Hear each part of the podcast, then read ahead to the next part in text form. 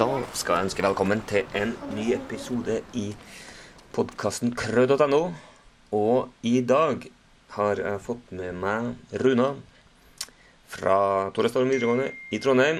Og vi skal snakke litt om hvordan jeg har vært kroppsøvingslærer nå i år, og litt eh, peke litt framover om, om eh, eh, framtiden i forbindelse med eh, fagfornyelsen. Og litt av hvert. Så vi får se litt eh, hvordan denne samtalen eh, bærer seg fram.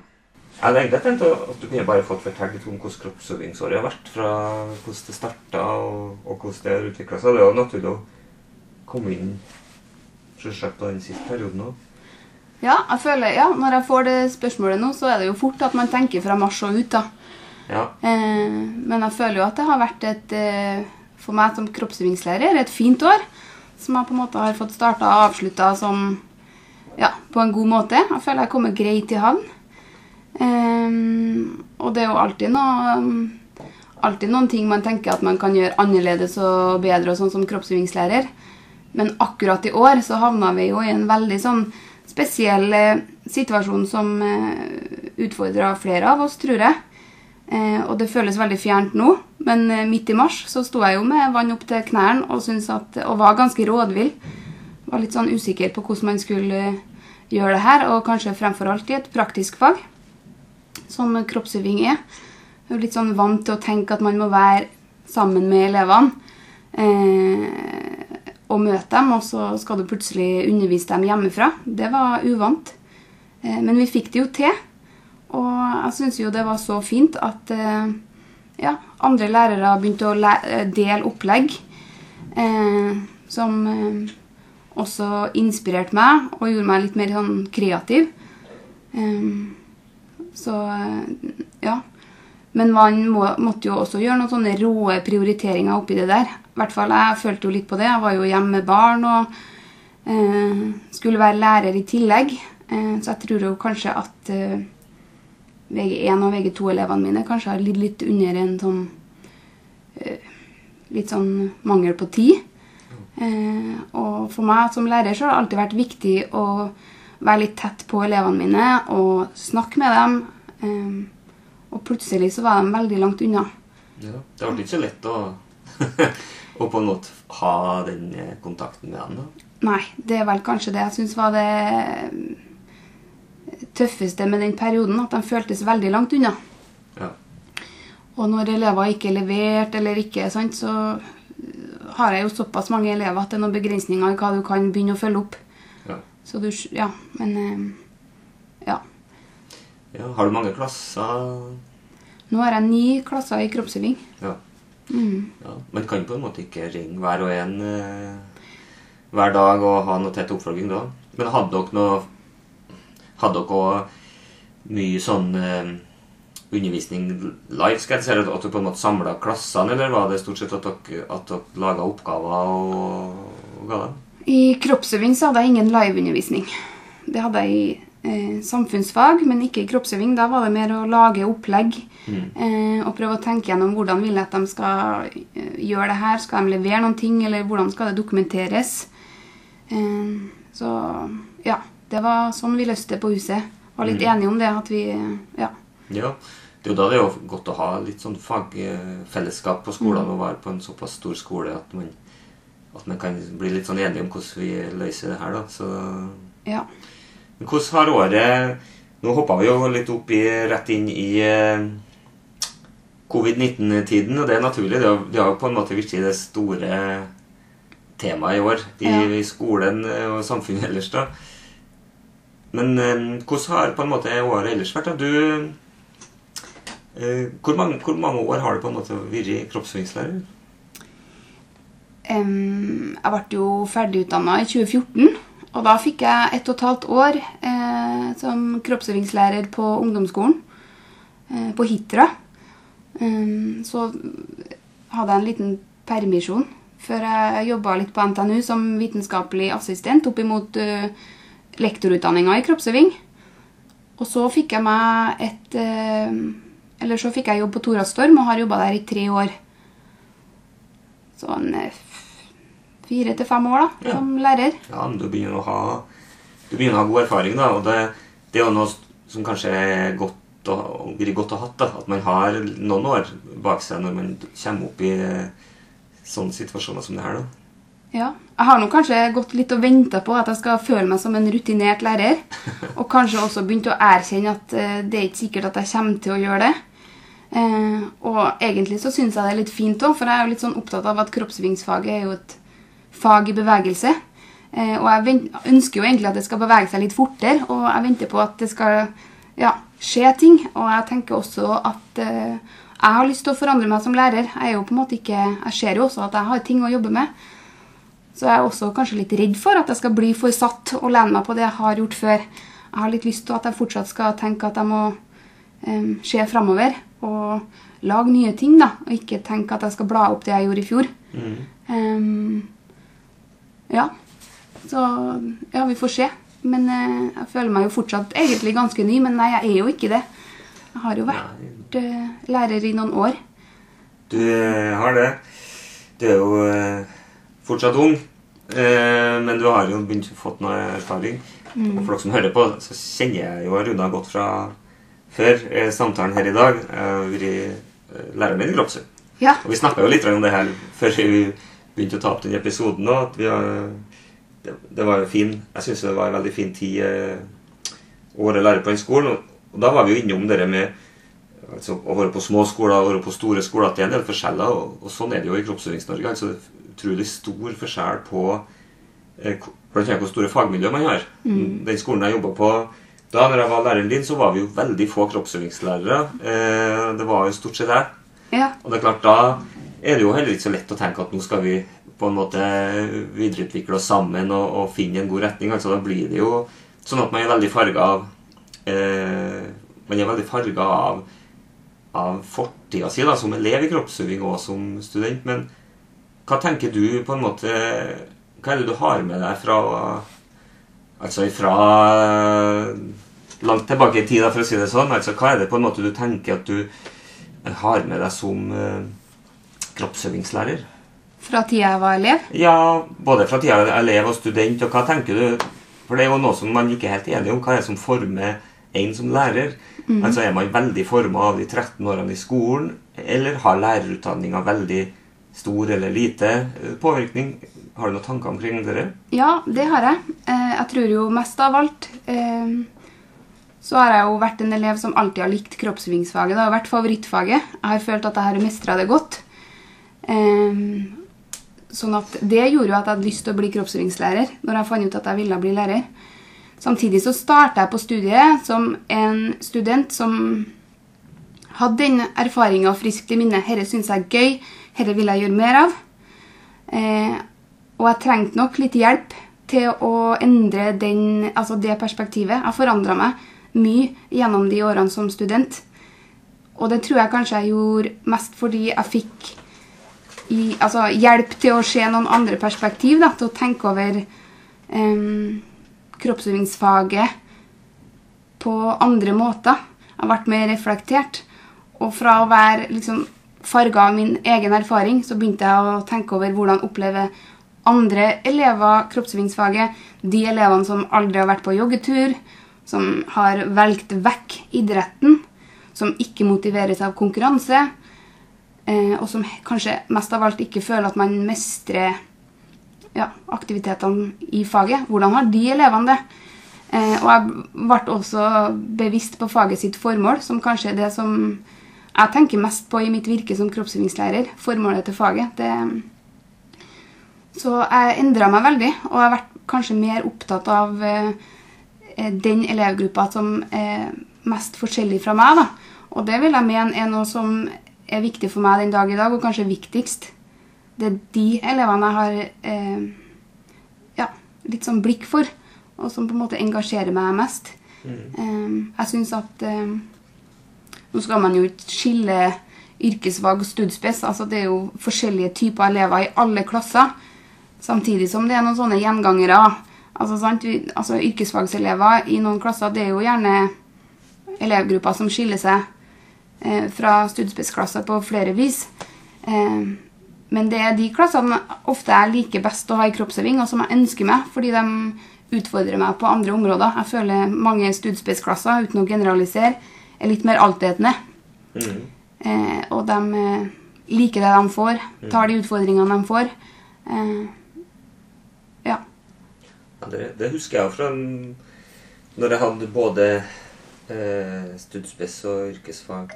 Det, det handler jo en del om kjønnsfordeling, tror jeg. Altså, Ja. I mange av de yrkesfagklassene så er det veldig overvekt av enten jenter eller gutter. da, Og det er jo en utfordring kan være i forhold til innhold i grensa hva man skal gjøre, kanskje. da. ja. Men eh, hvis vi går eh, kobler dette litt til året som har vært, og årene som kommer framover, da er, altså Hvis du tenker litt sånn generelt på det kroppsøvingsåret du, du, du har hatt, da, ta utgangspunkt i deg eh, på skolen eh, Hva på en måte tenker du har fungert veldig bra gjennom året, som du tenker at okay, her, det her skal jeg ta med meg videre, og er det noe du har på en måte gjort som du tenker at ja, det her må jeg i hvert fall eh, justere mye på hvis at jeg skal på en måte eh, ta det med meg videre. Hvordan, hvordan eh, føler du graden av måloppnåelse for din del har vært gjennom året? Ja, jeg vet ikke om jeg er på en måte i stand til å gi meg noe sjøl mer enn middels, altså noen gang. Um, og der kan jeg jo kanskje bli litt sånn bedre også. på en måte tenke at Ofte så er det veldig mange Eller kan vi kanskje ha en tendens til å tenke at det vi ikke gjør, er bra nok. Uh, og det jobber jeg litt med. Å tenke at uh, mye av det jeg gjør, er bra nok, uansett om jeg ikke er fornøyd. Men jeg føler kanskje at jeg har blitt litt flinkere til å um, ja, lage litt sånn perioder med mer gjennomtenkte opplegg, der øktene bygger litt på hverandre. Eh, at eh, ja, undervisninga mi kanskje har fått litt sånn tydeligere rød tråd. da. Eh, og det syns jeg jo er fint. Da får man på en måte ja, fulgt med elevene i en sånn prosess mer enn hvis man har sånn enkeltstående timer, som jeg kanskje hadde mer av før. Og så eh, Ja. Så det syns jeg har fungert bedre. Så ja, at jeg har hatt en mer rød tråd i undervisninga. Og så er det jo veldig viktig for meg det her med å snakke med elevene. Um, og det føler jeg at jeg egentlig burde ha gjort mer av. Men jeg pleier alltid å ta meg en tid til å snakke med elevene på starten av året, dem som er nye. Um, og uh, før andre termin, og også på slutten av året. Uh, Sjøl om jeg har liksom 230 elever, så gjør jeg det. Fordi jeg syns det er viktig å vite hvordan de opplever timene mine. Uh, og for å høre om de på en måte lærer noe. Mm. Hva tenker de om det de utsettes for? Ja. Ja, det tror jeg det er viktig. Altså det er viktig som lærer å ha, å ha, ha kontakt med elevene. Så det tror jeg Men det er også noe som er vanskelig da, i kroppsøvingsfaget. Ja da. Når man har så mange klasser, og du føler du kan av og til få litt den der rullebåndsfølelsen. altså, de kommer og de går. Det kommer en klasse, 30 stykker inn, ut, ny klasse. Og så Ja. Ja. Det, og det var, det var, husker jeg var en av grunnene til at jeg begynte å videreutdanne meg i flere fag. Jeg starta jo med bare kroppsøving. ja. Eh, og klarte å ha hele skolen i kroppsøving. Og så Det var jo en sånn lettelse når skolekatalogen kommer, ikke sant? og du da Ja, kan du ja. koble navn og ansikt, for du skal jo vurdere dem. Så det er vanskelig, altså. Så er det jo da en utfordring med at noen elever har lettere for å bli sett. Eller, Ja. eller det er lettere for deg å se en viss type elever, kanskje, eller sånt, og, og en del elever som du sier går og ønsker kanskje å gå litt under radaren òg ja. som da kanskje går flere år gjennom eh, skolen uten egentlig å bli godt sett av læreren, og da vil jeg påstå at de, da får de et veldig lite utbytte av faget. da. Ja. Og spesielt med tanke på fagets formål, som peker jo framover på, på videre liv. da. ja. Absolutt. Så, eh, men vi står jo framom eh, en sånn fagfornyelse. Eh, og etter hvert så skal jo Vi skal jo ta i bruk nye læreplaner. Mm. Du nevnte jo det når vi kom hit i dag, at, at dere sitter og jobber ekstra mye med det her denne vekka. Det er planen for uka her, ja. Det er planen for uka her. Og Ja. da er jeg litt spent. ja. Hva, hvordan har dere du, må, du skal liksom ikke du skal slippe å snakke på vegne av eh, fagmiljøet ditt, altså, men hva er det du tenker eh, faktisk kommer til, å, altså, kommer det faktisk til å skje noe endring på noe sett og vis? Det er jeg faktisk litt usikker på. Og nå må jeg liksom, før jeg svarer utfyllende på det her, si at vi har faktisk ikke jobba så mye med det. Eh, vi skal gjøre det, vi har tatt av uka her til å følge det opp, og vi har nok havna litt på etterskudd. Når vi kom godt i gang med fagfornyelsen og arbeidet med det, så stengte skolen. Og da ble det andre ting som ble prioritert. Men jeg håper jo Det var jo litt som jeg sa i sted. Kroppsøvingsfaget er et fag i bevegelse. Jeg tenker at eh, det også bør bevege seg. Kanskje fortere enn det jeg tror kommer til å skje. da. Jeg er litt usikker på hvor mye som forandrer seg med fagfornyelsen. Det er jo kanskje noen åpenbare ting, som at eh, eh, man f.eks. må ha mer friluftsliv. Eh, det gjelder jo i hvert fall for vår skole. Det har vi bestemt oss for at vi skal på en måte ta mer på alvor eh, og faktisk eh, finne rom til. Både i timeplanoppsettet, men også i ja, undervisninga. Det snakkes jo mye om det her med dybdelæring. Um, og så blir jo på en måte det jeg tenker er eh, Driver ikke jeg med det nå? Jeg tror at jeg gjør det. Jeg tror at jeg gjør det. Em, I den grad at uh, man prøver å ha undervisning som uh, bygger på hverandre. Man prøver å ha en rå, rød tråd. Utvikle kompetanse, og at de skal få prøvd det de lærer på, måte, på nye måter. Kanskje ikke alt jeg gjør, dybdelæring, men sant? hva er kroppsøving er ikke dybdelæring? Jeg vet ikke. Jeg føler det henger litt i lufta for meg. da. Ja. Det snakkes mye om hva dybdelæring er, men hva er det ikke? Ja. Det lurer jeg på, egentlig. Det Vi kan jo snakke litt om dybdelæring. Ja, du det. vet mer om det enn meg. Neida, vi har ikke noe sånn strengt eh, Vi har ikke sånn streng, eh, strengt manuskript for denne podkasten, Runa, så vi kan eh, for, Og det er noe vi snakker om her på lærerutdanninga, og akkurat nå eh, det med nye begrep som kommer inn i læreplanene om eh, eh, Ja, hva, hva betyr de, rett og slett, og, og hvilke konsekvenser har det? Og for å være helt ærlig så tror jeg jo at når eh, direktoratet liksom la dere fokuset på begrepet dybdelæring, så tror jeg egentlig de har kasta stein på et sånt kvakkspor, og så vet de ikke helt hva som skjer, altså. Fordi eh, det kommer til å, jeg tror det kommer til å ha store konsekvenser for skolen. Fordi eh, det er framstilt sånn som to ender av en skala. da, At du på en måte har overflatelæring i én ende, og så har du dybdelæring i andre enden. Og sånn som når du leser eh, beskrivelsen eller definisjonen av kompetansebegrepet, så er det nesten helt lik definisjonen av dybdelæringsbegrepet. Og det vil si at høy kompetanse er dyp læring. Så det kommer Ja. til å bli en slags automatisk direkte kobling da, mellom dybde på læringa og oppnåelsen av kompetanse. Fordi de begrepene er jo definert nesten helt likt. Og det er klart da, hvis man da ikke har noe sånn særlig ikke sånn omforent hva er dybdelæring i de ulike fagene, for det er jo veldig fagspesifikt. Og den definisjonen på dybdelæring som direktoratet har, er jo en veldig sånn kognitiv rett, da, som passer veldig godt inn i teorifag. Men det passer jo, jeg synes jo at det passer jo slett ikke inn i praktiske fag. altså Der at faget har veldig stort innslag av praktisk læring, og spesielt i kropps, kroppsøving, der at vi snakker om kroppslig læring, så gir jo, gir jo den definisjonen veldig god mening, syns jeg. I alle fall ikke for deg som lærer for å gjenkjenne dybdelæring. Altså, hva er det, hva er det, hvordan skal du på en måte kjenne igjen at en elev lærer i dybden? Med den på en måte kognitive beskrivelsen. Og da, Det eneste du da kan på en måte kjenne igjen dybdelæring, er jo nesten gjennom da de teorikunnskapene deres. Eller rent sånn at ok, han, han har lært seg å stusse i håndball, og så ser vi at ok, det tar han med seg videre og når han skal lære seg å stusse i, i et annet ballspill, f.eks. Eller at han er flink til å, å involvere medspillerne sine i én kontekst, og så er han jo flink til å ta vare på dem når vi er på tur, f.eks. Da snakker vi om det overføring og transfer og sånt. Ja. Men jeg mener jo at, at dybdelæring i kroppsøving er, er mye mer enn det. da, At man må koble det til andre ting. Ehm, du, du kan jo lese litt. Jeg ga deg en kopi av den doktoren. Det har et eget kapittel om dybdelæring der jeg på en måte påstår at ved hjelp av digitale verktøy så kan det jo fremme mer dybde i læringa med at du får kobla den teoretiske kunnskapen mye mer på den praktiske aktiviteten.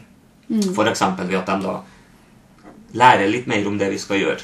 Og at de da forstår litt mer omkring det vi holder på med i det praktiske, uten at du på en måte skal stå og undervise. Altså Det er lettere om du da kan gi dem det, at de har en video de kan se på i forberedelse, om du jobber med styrke, f.eks., som vi snakka om i sted. Også, at de da forstår litt og kan koble de begrepene som ligger i teorien, til å også da få praktisk gjennomført det. Så jeg har jo støtta meg mye til en som heter Tokon, som snakker om at det er eh, knowledge eh, eh, embodied in action. Altså at du på en måte kobler litt sterkere kunnskapen omkring ting eh, til å praktisk gjennomføre det. da. Og da eh, snakker vi jo ikke bare om at du skal ha sånne overføringsverdier, men da og, og heller ikke at du bare skal kobles til tids. Det har vært veldig mye fokus på at vi må ut med masse kompetansemål, for vi må ha mer tid til å jobbe med hvert enkelt. For at da blir det nesten en sånn slags kobling mellom sånn lineær kobling. da, Mer tid, dess dypere får du lært ting. Men jeg tror jo at dybdelæring kan oppstå i et kroppslig fag som kroppsøving nesten gjennom bare ei økt eller to. altså. Fordi at F.eks. når du mestrer en type bevegelse Hvis du aldri har klart å gå opp i håndstående for eksempel, og fått øvd på det perioden, så er det plutselig da Så du bruker litt tid på å øve det, men det er akkurat i det øyeblikket det skjer. Da skjer det noe med den gleden av opplevelsen, og den forsterkes ved at man er sammen. Så jeg fremmer jo veldig mye mer eh, gruppearbeid i kroppsøving, kanskje litt mindre grupper. For jo, en hel klasse øver på å gå i håndstående. Hvis du da klarer det, så har du på en måte ikke den lille gruppa å dele den erfaringa med, for da er hele klassen opptatt med sitt. Men jobber man i mindre grupper, så blir det mestringsopplevelsene delt i litt mindre sånn mestringsmiljø, og da blir de litt sterkere. Så jeg mener jo det med at mestring og indre motivasjon må kobles til dybdelæring. Du nesten kan gjenkjenne at en elev er på vei til å lære i dybden når man er veldig godt motivert. Da er man i hvert fall lettere på vei til det. Ja, og det er jo kjempeflott. Og så tenker jeg jo at jeg som lærer kan legge til rette for at dybdelæring skjer. Ja. Men man har jo ingen garanti for det. Og som du sier, det handler også om motivasjon. um, og de skal mestre. Og da tenker jeg at um, da ligger jo litt Da ligger jo en utfordring i det med antallet elever du har òg, da. Uh, og tida du har til rådighet. Um, sånn at det, det blir jo også utfordrende. Eh, Ja. å få til, kanskje i den grad man på en måte ønsker, for alle elever. Fordi de er så forskjellige, og gjerne liker forskjellige ting. Ja. Og ikke minst det, altså. Og, for du kan ikke på en måte eh, legge opp til én aktivitet for en hel klasse og tenke at alle skal på en måte lære det her i dybden. Som du sier, altså, Man liker så veldig mye forskjellige ting, og da tror jeg hvis du skal legge til rette for god dybde i læringa, så må du jo gi mye mer valgfrihet og tenke mer, litt mer individualisert. For det har vi vært veldig dårlige på i kroppsøving, da, generelt sett. Å tenke eh, for det første målstyrt. Vi har vært veldig sånn opptatt av at vi skal gjøre de og de aktivitetene. Eh, og i mindre grad opp, ja, hva vi skal lære og hva vi skal få til. Det husker jeg at jeg skrev en oppgave om på universitetet. Ja. Om tilpassa opplæring i kroppsøving. Fordi jeg har stilt litt spørsmålstegn ved hvordan vi tenkte om det. At jeg kanskje også tenkte at hvorfor skal ikke det være eh, individualisering når det kommer til valg av aktivitet? Ofte så gjør elever det samme i kroppsøvingsfaget. Sånn i hvert fall grovt. Ja. Og da husker jeg tenkte at, eller kom fram til det, at vi burde jo differensiere mye mer. Um, og ja, altså praktisere tilpassa opplæring i større grad da, enn vi kanskje gjør i kroppsøvingsfaget. For det er litt gjerne det at man legger opp til felles aktiviteter for en hel klasse. Så har jeg jo også kommet ut og blitt lærer, og ser jo at det er litt uh, Det handler jo om logistikk òg. ja, sant? Men jeg tror jo f.eks. når man nå satt og gjorde, laga undervisning over nett, så tenker jeg at det er jo en sånn åpenbar arena som gjør det veldig lettere å tenke at jo, nå kan faktisk en gruppe her velge yoga, og den andre gruppa kan velge parkour, eller de kan velge sin helt egen aktivitet. Så det var en sånn ting som ble eh, Altså, Ja. du så at det her er en arena hvor man kan faktisk legge til rette for Altså, ja, det er lettere å mm. Og jeg tror jo Det var jo blant annet og Jeg satt jo i den gruppa, læreplangruppa for å lage de mm, kjerneelementene. Og da var det jo en del begrep vi tenkte vi skulle prøve å gå litt bort ifra, og noen begrep vi tenkte vi måtte prøve å få tydeliggjort litt mer i læreplaner. Og da er jo blant annet eh, begrepet det med å øve. Skal iallfall ha kommet fram mye tydeligere i ny læreplan. sånn at det skal, du skal på en måte bli flink i å øve. Mer enn at du skal bli flink i Som før var det nevnt at du skulle både øke ferdighetene i lagidrett og individuelle idretter.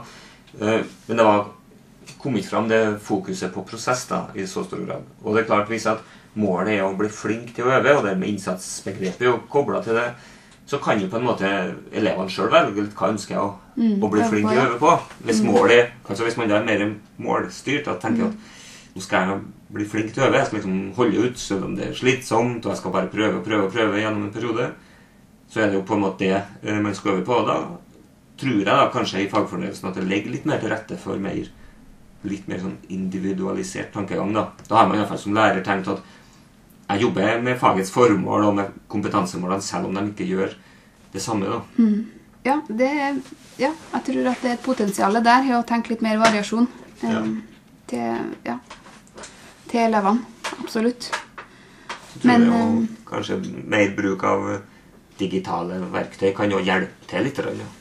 Ja, og det tror jeg mye er gjort, da. Det tror jeg forandrer seg nå. Det har jeg i hvert fall tenkt på som en sånn Ja, som jeg sa først, man er litt sånn vant til å tenke at jeg må møte elevene og ha undervisning. Om jeg er borte fra skolen noen dag, så er jo ikke det noe problem. Jeg kan jo legge ut undervisning på Canvas. Mm. Jeg tror allerede du ser en vikar mer i kroppsøving.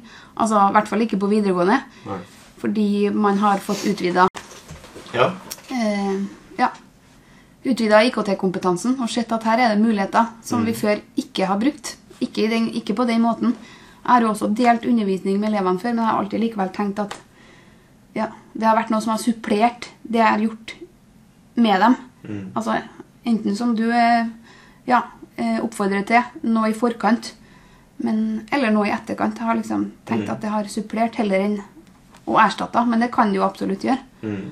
Um, Så det er kanskje noe man kan ta med seg fra den perioden eh, på slutten av året. her, At det er noe Og det er jo kanskje en Det har vært sånn, noen sånne tanker som har vært litt sånn utenkelig, tror jeg.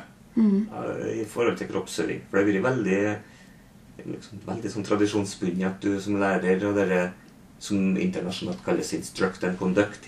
Du, skal, på- du på en måte skal forklare og til og med vise eh, hva man skal gjøre, og hvordan de skal gjøre det. Og så skal elevene på en måte nesten på, da, på, på kommando eh, utføre litt det som du har vist dem. Da. Og så er jo kroppsøvingsfaget det er jo altså på godt og vondt prega av noen tradisjoner. Vi vet jo at f.eks. Eh, eh, idretten farger faget veldig i måten, altså i aktiviteter man velger, gjerne idretter, og i måten man underviser på. Litt sånn som du sier i forhold til å instruere, og vi skal øve på eh, teknikker, og så skal vi sette dem sammen, og så skal det hele eh, ja, utspille seg i et fantastisk eh, idrettssekvens etterpå, eller vi skal spille. Eh, og det tenker jeg sånn som idrettsbegrepet forsvinner jo fra læreplanene.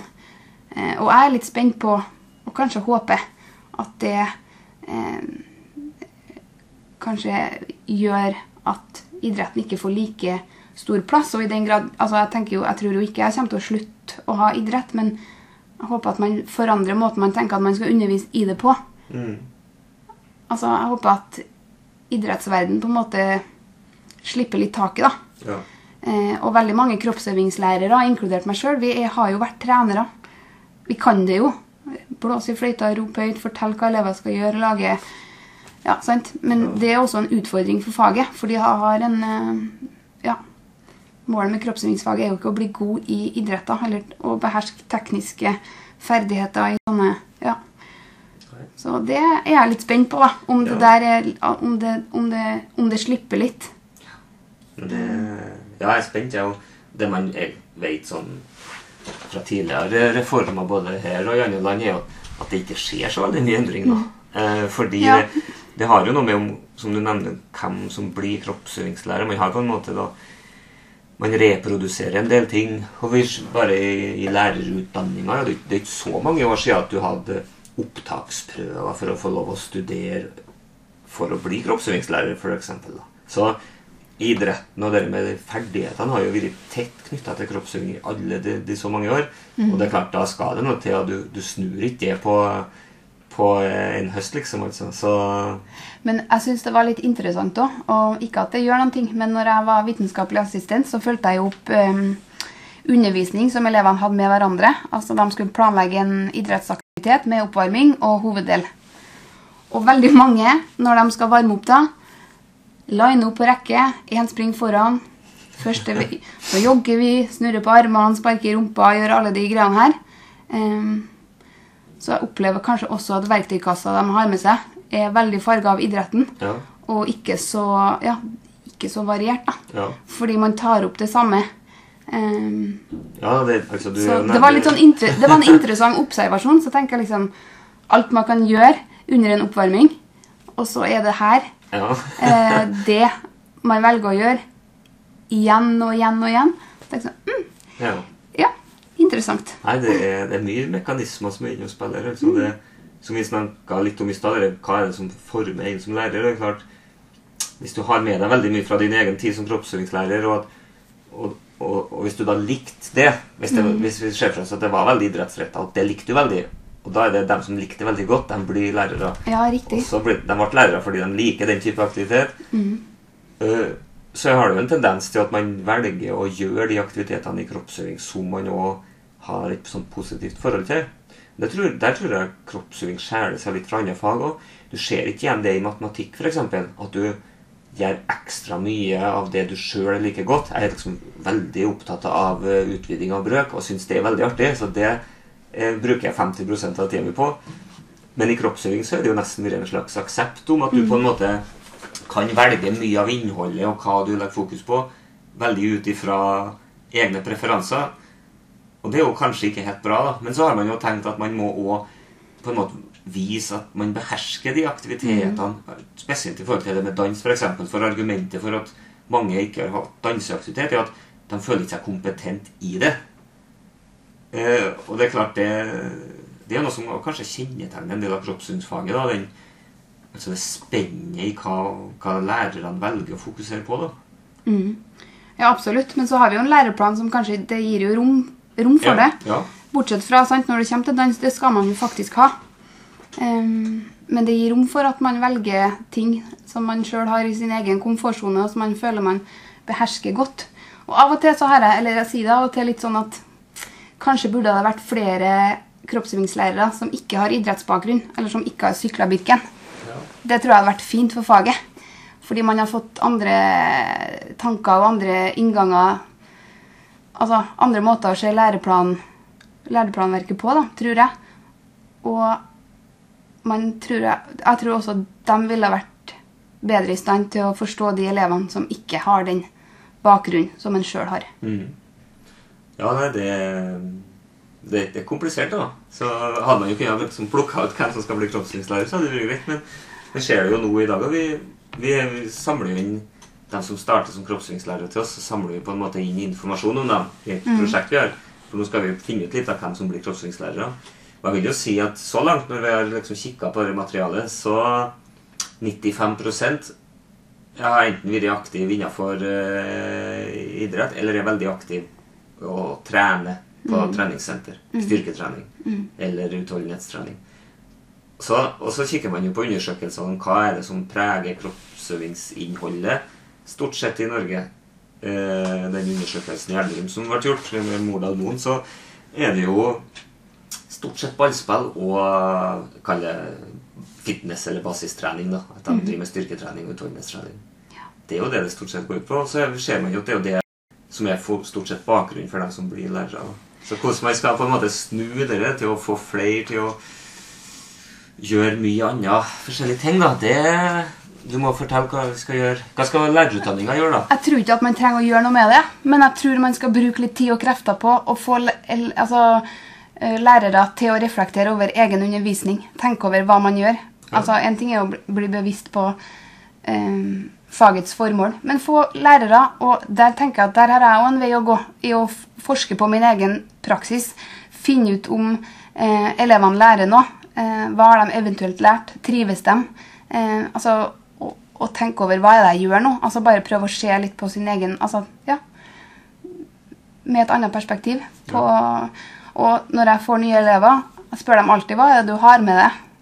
Hva er det du er vant til? Altså, Hva har du gjort i kroppsøvingsfaget? Hvilke gode opplevelser har du, og hvilke dårlige har du? Og jeg blir ikke forundra lenger, men det er veldig mye snevre eh, innganger til faget rundt omkring. Bare her i Trondheimsområdet. Veldig mye bra, men fortsatt Jeg kan både bli litt sånn overraska og av og til litt trist Ja over det jeg hører.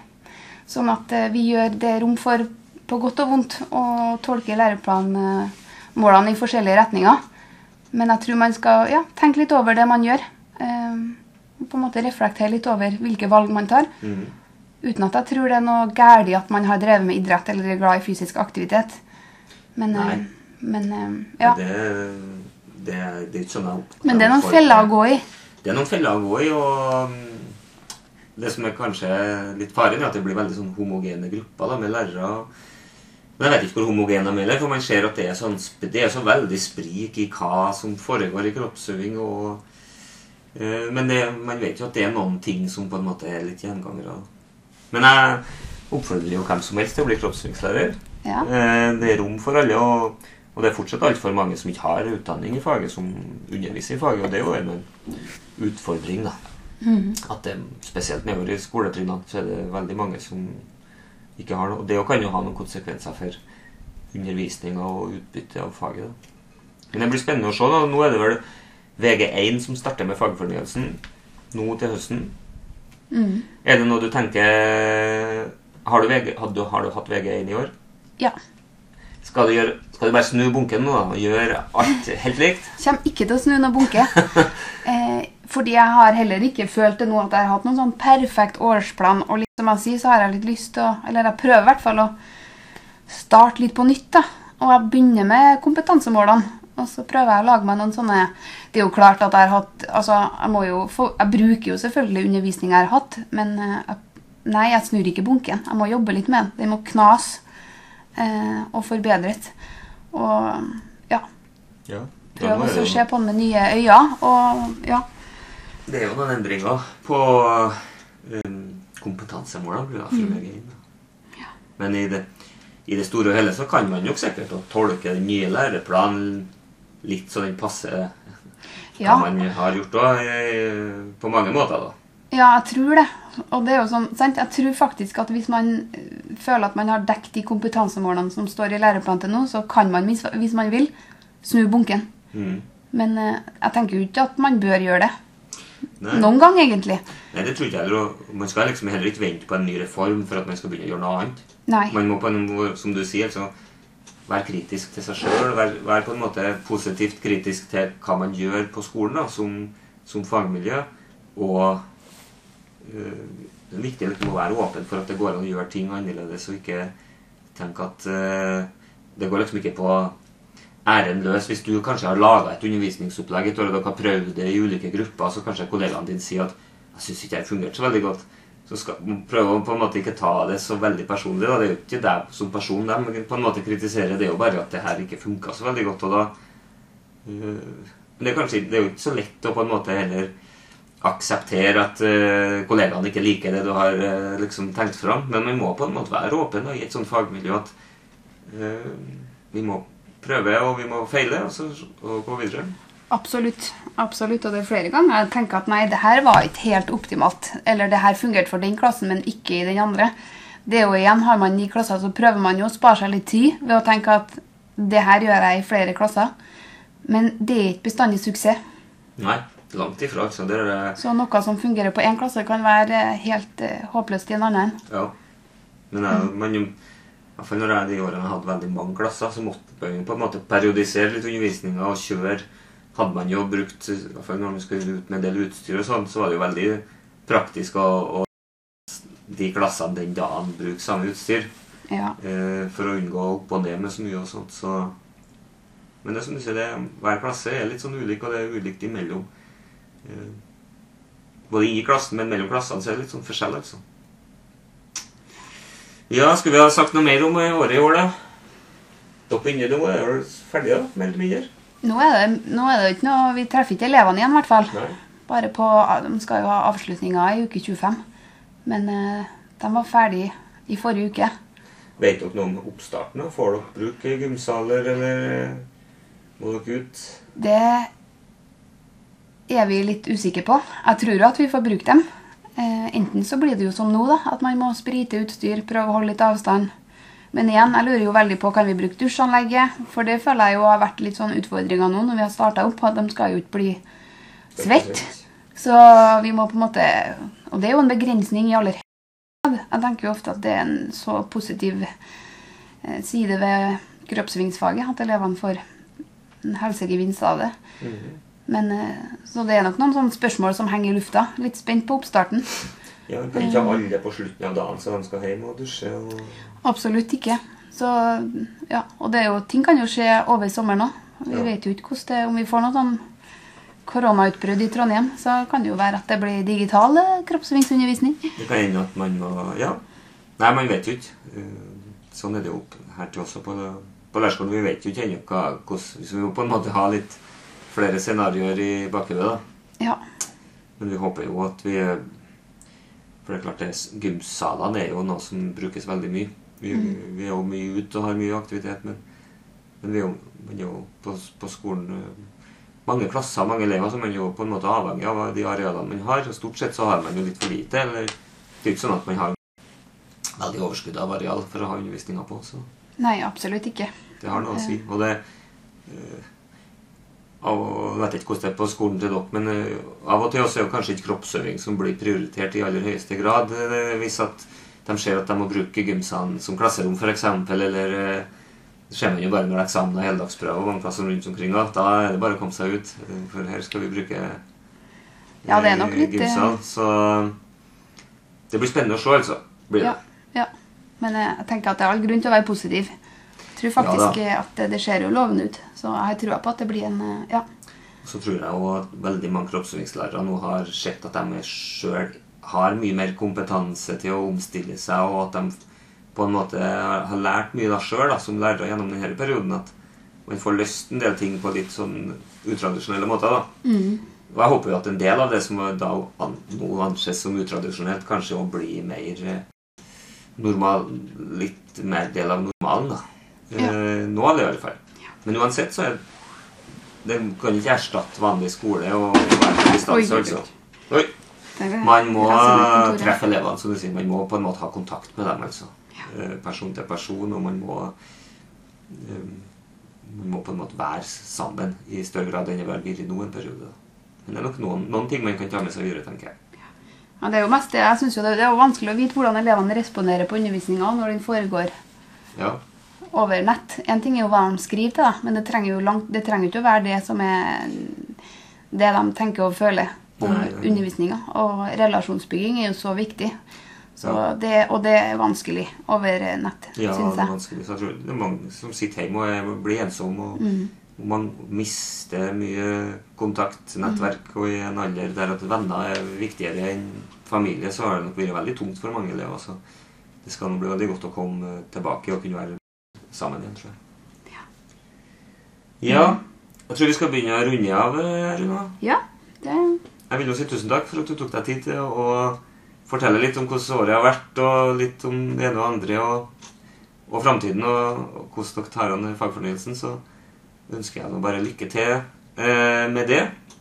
Ja, veldig takk for det. Det har vært veldig hyggelig å være her. Artig å få lov å snakke om kroppsvingsfaget. kroppsøvingsfaget. Ja, det er Jeg bruker å spille litt sånn spørsmål helt til slutt til alle som jeg snakker med om Og du skal få svare kort. På en måte, Hva er det for lite av i kroppsøving, og hva er det for mye av i kroppsøving? For lite. Da tenker jeg faktisk at det er elevenes perspektiv på undervisninga. Ja. Hva er det for mye av, da? Det syns jeg kanskje er verre å svare på. Men jeg velger faktisk å si tester. Fysiske tester. Med det så sier vi takk.